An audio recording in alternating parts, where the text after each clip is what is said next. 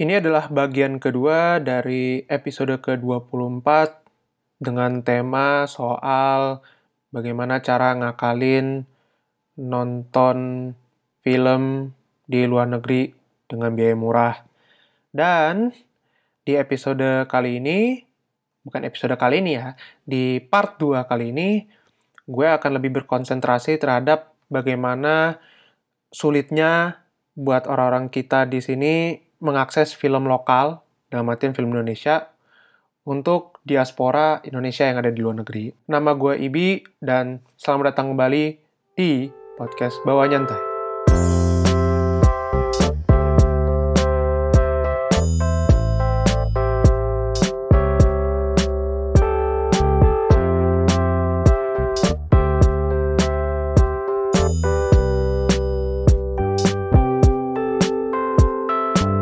Tadi udah gue bilang di intro, part 2 kali ini gue lebih berf- berfokus terhadap film Indonesia.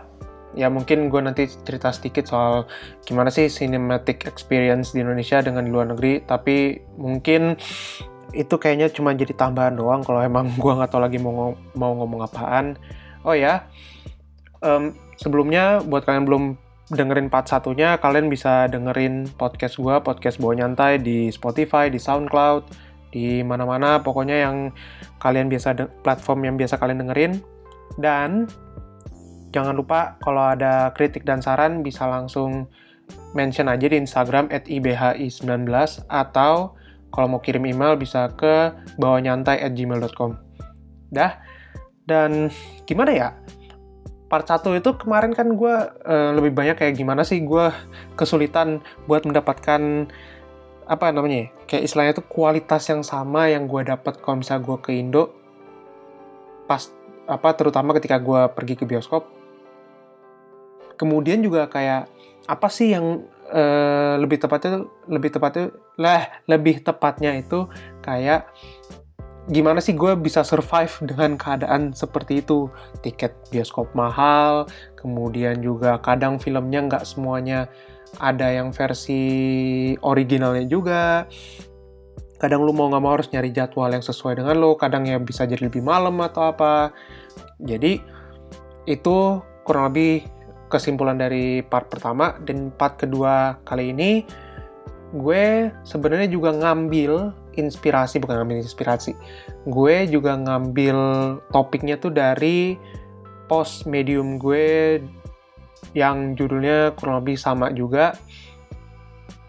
Kalian bisa cek medium gue di medium medium.com slash ibhi terus cari yang entry-nya kira-kira tuh bulan Desember 2017 atau kalau nggak nanti di description box di Spotify atau description box di SoundCloud gue kasih linknya biar kalian bisa baca uh, artikel gue lebih lanjut soal itu. Tapi gue sih gimana ya kenapa gue ngebahas ini? Karena banyak banget film-film Indonesia yang bermunculan. Dan artian bukan cuman banyak terus temanya sama aja gitu ya. Meskipun emang ya secara nggak langsung masih relevan sih yang seperti itu gitu. Ya kalian tau lah film-film seperti apa. Cuman tuh kayak nggak apa ya udah banyak filmmaker selain filmmaker selain filmmaker kondang macem Riri Riza, terus kemudian Mira Lesmana, abis itu Rizal Mantovani dan segala macam udah banyak yang baru yang kalau kalian pernah nonton Posesif yang disutradain sama Edwin yang kalau nggak salah juga nyutradarain film cinta atau Cina gitu pokoknya gue lupa filmnya dan menurut gue tuh apa ya itu menjadi sebuah tolok ukur atau kayak lebih tepatnya kayak tonggak awal kebangkitan film Indonesia sih gitu. Lebih tepatnya ketika mulai masuk 2017 atau akhir 2016 lah gitu. Atau kalau misalnya kalian mau lebih ini lagi lebih apa lebih balik lagi runut lagi tuh mungkin dari 2012 ketika The Raid yang pertama itu keluar di bioskop Indonesia gitu. Kalian bayangin coba apa ya? Film berdarah-darah, banyak berantemnya, ngomongnya dikit sih, tapi kayak lo menampilkan itu secara eksplisit gitu. Kayak lo nggak takut kayak nampilin darah bodoh amat atau lo motong kaki orang kayak atau nyilet hmm, apa namanya urat orang gitu. dan itu menjadi kayak dobrakan aja gitu buat gue untuk bisa apa ya dalam artian tuh ada genre lain sebelah selain genre horror seks yang tahun sebelumnya 2011 tuh sempat kita ada embargo film luar negeri. Karena mungkin masalah distribusi atau apa gitu ya. Terus kita disuguhin ini banyak kan film-film kayak gitu aja. Film-film ya yang apa filmnya temanya horor tapi bintangnya juga bintang bokeh. Aduh. Um, tapi itu yang bikin gue seneng sih. Uh, yang jadi tuh ketika kalau misalnya gue ke Indonesia yang tadi dulu dulu gue cuma nyarinya kayak film luar negeri atau apa itu sekarang lo bisa apa namanya uh, memasukkan film Indonesia sebagai opsi menonton lo gitu. Bahkan bahkan kalau gue boleh bilang sekarang banyak orang tuh kayak mikir eh film Indo ada apa aja nih minggu ini? gitu. Karena hampir tiap minggu tuh ada film Indo baru.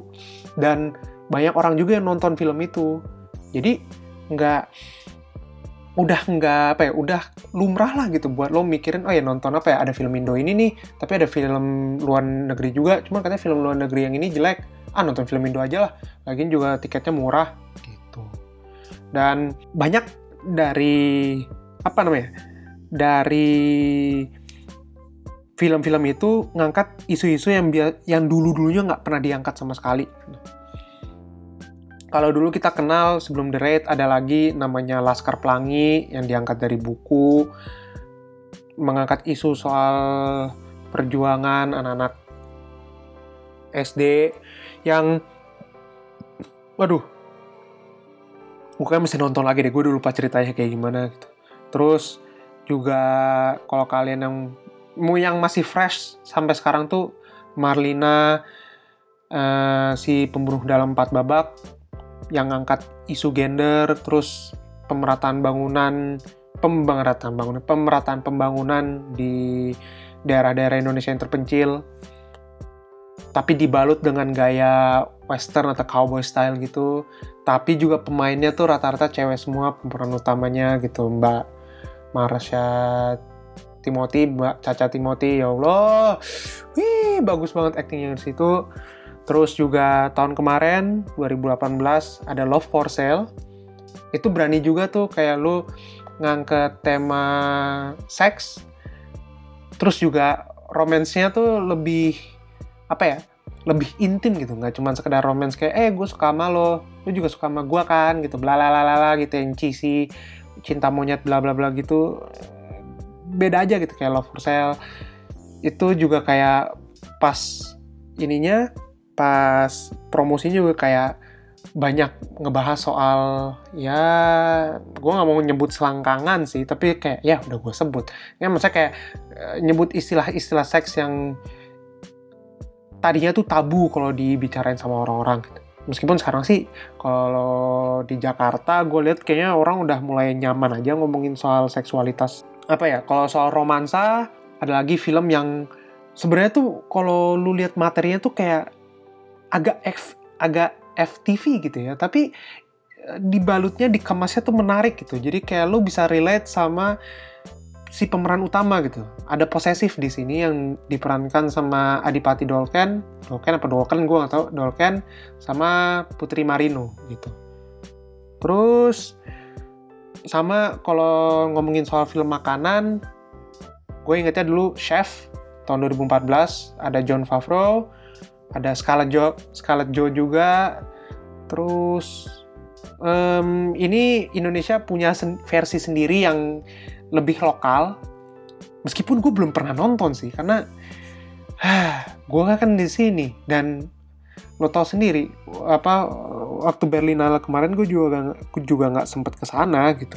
Kayak Julia tuh Aruna dan lidahnya gitu yang mainin yang diperankan sama Mbak Dian Sastrawdaya eh, Kak Kak Hana Halarasi terus ada juga Aryo Bayu sama Nikola Saputra gitu.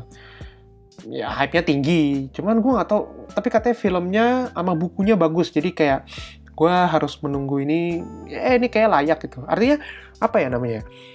Banyak film-film Indonesia sekarang tuh yang muncul dan membawa cerita-cerita yang fresh gitu. Artinya kayak lu kalau misalnya contoh kalau kan gemar gemar baca gemar baca apa cerpen atau kayak gemar baca cerita-cerita yang jarang bisa dipublish sama penerbit di Indonesia gitu ya. Ini banyak film-film yang kayak berani ngangkat tema yang nggak biasa gitu, kayak contoh atau bahkan ngangkat tema yang sepertinya sederhana tapi bagus banget buat diekspor. Kayak kalau film kalian pernah nonton juga skala nis apa skala niskala itu juga katanya bagus gitu. Ada lagi kemarin kalau nggak salah di Indonesia namanya tuh The Man from the Sea gitu, laut itu film produksi apa ya film produksi kerjasama dengan Jepang juga. Terus um, apa lagi ya? Sebenarnya itu dari film-film yang masuk ke bioskop Indonesia ini ya kalian tau lah biasanya kan rata-rata kalau film masuk bioskop nanti 90 hari kemudian biasanya ada konten digitalnya kalau sekarang atau kayak minimal 4 bulan setelahnya tuh pasti ada semacam produk fisik jadi gitu kan nah ini yang sekarang jarang banget gue temuin di Indonesia. Hmm, apa ya? Kalau boleh jujur gitu ya, kayak film-film sekarang tuh juga apa rata-rata nggak berani gitu ngasih apa ngasih kayak konten mereka tuh lewat fisik kayak macam lewat DVD atau lewat VCD, VCD lama banget. Karena eh, kalau kalian pernah ngebaca tweetnya Bang Joko Anwar, beliau tuh pernah bilang kalau misalnya industri DVD atau industri kepingan CD di Indonesia itu untuk film bakalan selalu rugi dan banyak yang gulung tikar gara-gara itu. Apa selain rugi juga kan pastinya pembajakan tuh masih tinggi banget di Indonesia. Ya lo tau sendiri lah, Indonesia tuh jauh banget kalau soal ngebajak-bajak film gitu. Asli nggak bohong gitu. Lo bahkan lo tuh bisa nemuin film Indonesia di YouTube. Lo juga bisa uh, nemuin film Indonesia di website mana pun gitu. Bahkan kadang ada film luar negeri pun saking mungkin kayak filmnya film gede gitu ya itu kita bikinnya nggak cuma subtitle Indo doang kita bikin subtitle yang kadang ngasal gitu kayak subtitlenya nggak subtitle ngaco yang pakai gue lu lah atau eh mbak gitu atau kayak yang lucu-lucu lah gitu. Misalnya aduh nama sab sabernya gue lupa siapa lah eh, nggak tahu. Sampai seniat itu bikin apa subtitlenya gitu. Dan permasalahannya begini, buat gue sekarang adalah sebagai orang yang tinggal di luar, kan di episode di part satu kemarin kan gue bilang, gue nggak bisa apa, gue nggak bisa akses film Indonesia dengan mudah dalam artian yang digital kontennya yang lewat iFlix maupun Hook atau kayak lewat website mana pun lah gitu yang diaksesnya cuma bisa lewat Indo. Gue pasti pakai VPN, bayar lagi segala macam bla bla bla bla yang kadang bikin repot. Tapi kan yang namanya film itu kan harus ada palingnya kan kalau film film kan pasti ada distribusi keluar juga gitu kan. Ini permasalahannya tuh di sini kayak film kita, film Indonesia itu sampai sekarang menurut gue pribadi ya, itu belum belum apa ya, belum mampu untuk berani mendistribusikan filmnya tuh secara internasional dalam artinya secara komersil gitu ya kecuali film yang The Raid itu sempat masuk Jerman setahu gue kalau nggak salah 6 bulan setelah penayangan di Indo masuk juga di Jerman Abis itu film apa lagi ya? Marlina juga sempat masuk di sini tapi di dubbing kalau nggak salah. Atau nggak? Gue mesti tanya temen gue lagi sih. Kalau nggak salah katanya di dubbing, tapi ada juga yang versi pakai subtitle Jerman cuman terbatas banget penayangannya. Dan itu buat gue adalah karena saking kita belum terkenalnya apa ya, saking tidak terkenalnya industri perfilman kita di luar gitu ya. Ya kita sampai sekarang masih belum bisa bersa bersaing dengan film-film Korea, film Jepang, film Cina, film India, bahkan film Thailand. Yang dulu-dulu zaman gue SMA 2010-2011 tuh banyak film-film Thailand bermunculan yang genrenya dari genre uh, apa namanya romansa anak SMA sampai yang horornya paling serem ada film Thailand tuh bahkan udah kayak kalau nggak salah tuh distribusi mereka se Asia lah gitu artinya nggak cuman di Asia Tenggara doang. Dan selain itu juga karena mungkin pangsa pasar buat film Indonesia tuh masih dikit banget gitu bahkan mungkin nggak banyak orang yang tahu kalau Indonesia juga banyak produksi film dalam satu tahun.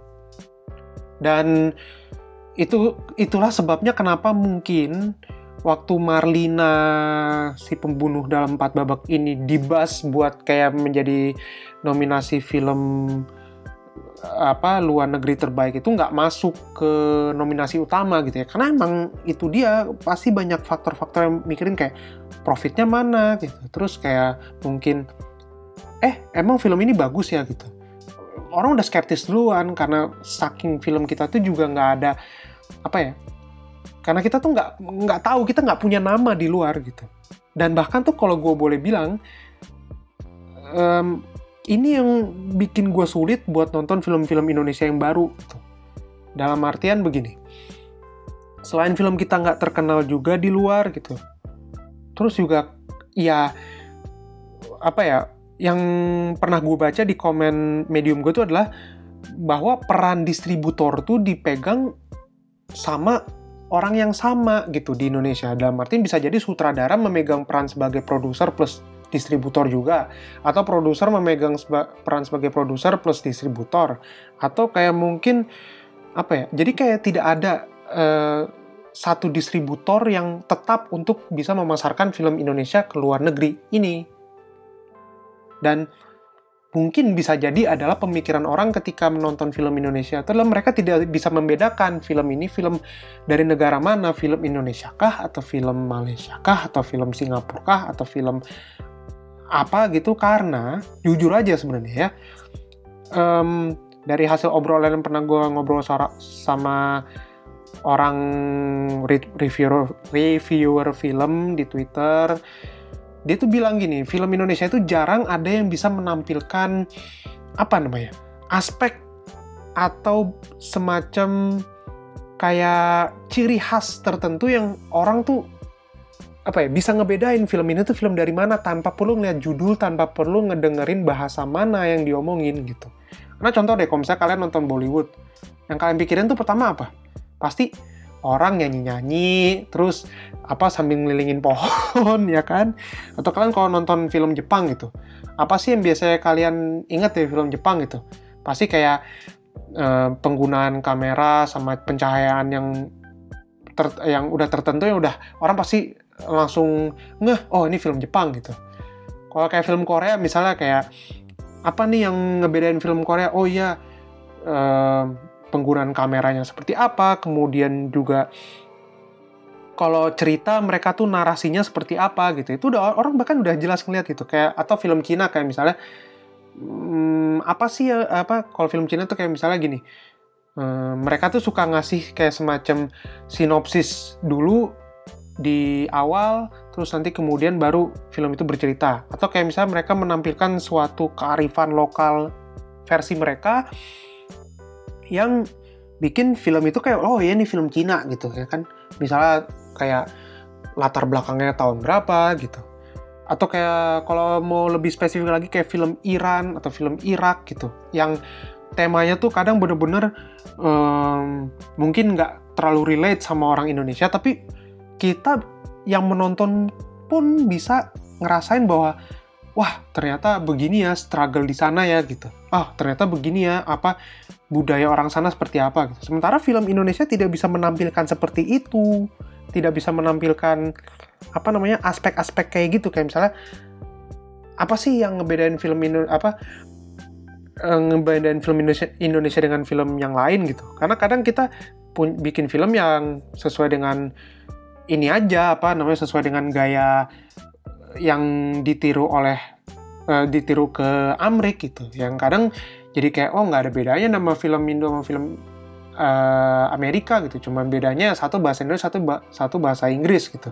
Habis itu juga apa ya gue boleh bilang tuh kayak jarang ada bisa film Indonesia yang menampilkan seperti itu. Kalau mau sebut paling cuman Warkop. Atau gue boleh bilang Laskar Pelangi itu jelas banget sih emang tapi um, ya gue uh, gue gak tau lagi film apa. Gue lupa film Indo tuh banyak banget sebenarnya. Cuman mm, nggak mm, ada yang nempel di pala gue gitu ya. Maafkan ya kalau misalnya uh, gue aduh lupa lupaan gini nyebutin film Indonya. Tapi intinya bisa jadi seperti itu. Kenapa makanya apa ya bisa jadi seperti itu dalam artian itulah kenapa gak banyak film Indonesia yang bisa dipasarin di luar terus kita bisa menontonnya dengan gampang.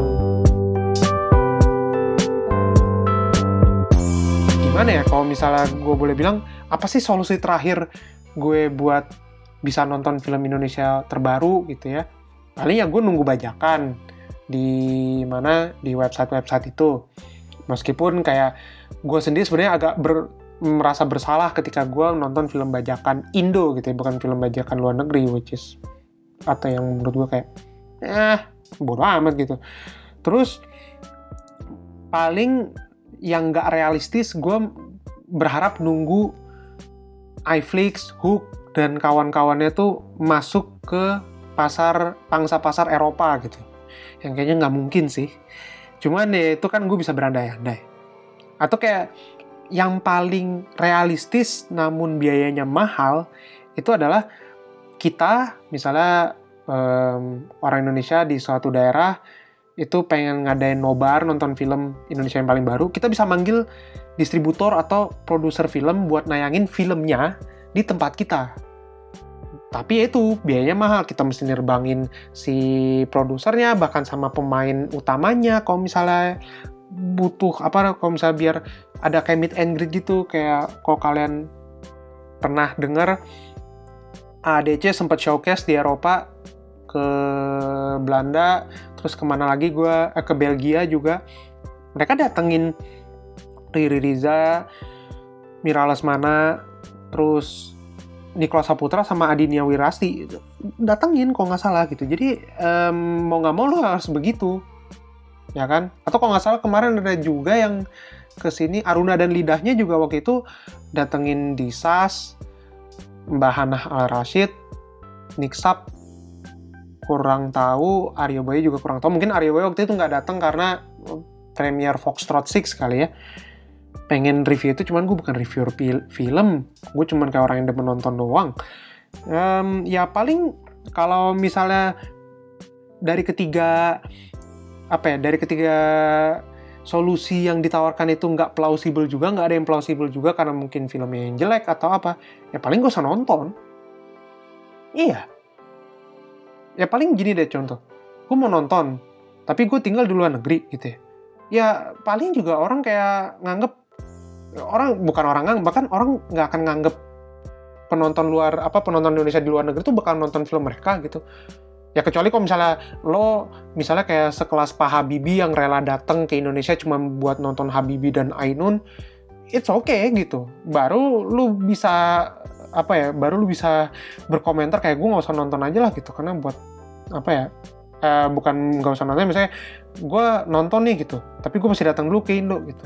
Ya kalau misalnya lu hanya sebagai student biasa yang nggak apa yang nggak yang tidak ada signifikannya apa yang tidak ada yang tidak membawa perubahan signifikan sama sekali terhadap demografis penonton Indonesia ya buat apa gitu? Nggak usah nonton aja sekalian gitu.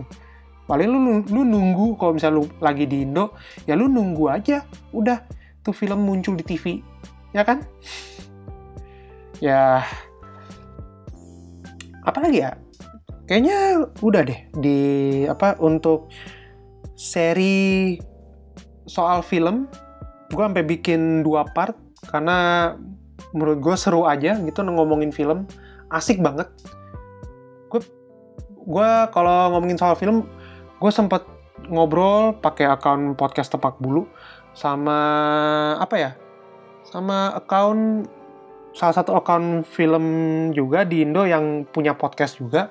Kalau nggak salah tuh namanya oh ya kalau nggak salah namanya Podstalgia gitu ya. Apalagi ya? Ya kalau ngomongin soal film mungkin kayak di episode berikutnya nanti gue bakal ngomongin soal review film. Kalau misalnya kalian berminat atau kalau misalnya enggak ya nggak tahu lagi sih gue mau ngomongin apa jujur deh sumpah.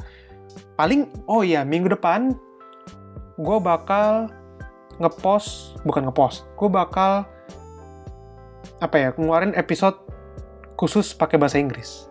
Lagi setelah kemarin gue sempet ngeluarin satu kali ini gue bakal ngeluarin episode bahasa Inggris lagi mungkin topiknya soal pemilu kali ya cuman PR-nya mesti banyak banget sih kalau buat bikin topik kayak gitu ya lihat aja lah nanti gimana udah hampir 20 5 menit.